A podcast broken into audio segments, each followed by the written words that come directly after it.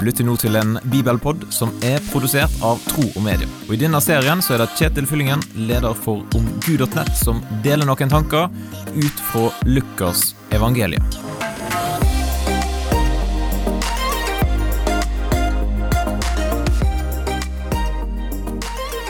Har du mange stemmer som roper etter din oppmerksomhet? Er det apper på telefonen din som du bare må inn og sjekke hver gang du har noen ledige sekunder?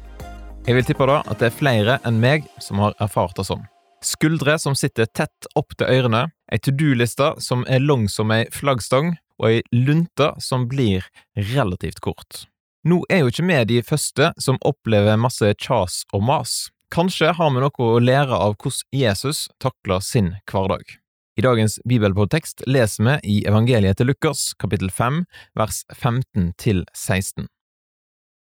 Men ryktet om ham spredde seg bare enda mer, og store flokker strømmet til for å høre ham og bli helbredet for sykdommene sine.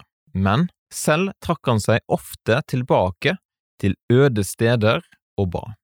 Det kan jo hende da at Jesus var litt introvert, at han måtte ha litt tid for seg sjøl, prioritere tid til bønn og stillhet, dra ut ledningen og slå av telefonen, og var helt utenfor rekkevidde. Det tror jeg er lurt for oss alle, om du er introvert eller ikke. Hva tenker du om teksten her i Lukas kapittel 5? Har du et sånt øde sted som du kan trekke deg tilbake til? Fortell meg gjerne om hvordan du har det. Send gjerne en e-post til kjetil etter troogmedier.no, eller søk meg opp i sosiale medier. Og til slutt, del gjerne Bibelpodden med noen som du kjenner, eller skriv en vurdering av podkasten på Apple Podkaster. Da ønsker jeg deg en fin dag, og så poddes vi jo plutselig igjen. Takk for at du lytter gjennom denne bibelpodden, og vil du gi en tilbakemelding på det som du hørte, eller vil du lære mer om kristen tro, da kan du gå til nettsida omgud.nett, eller du kan sende en e-post til kjetil etter troogmedia.no.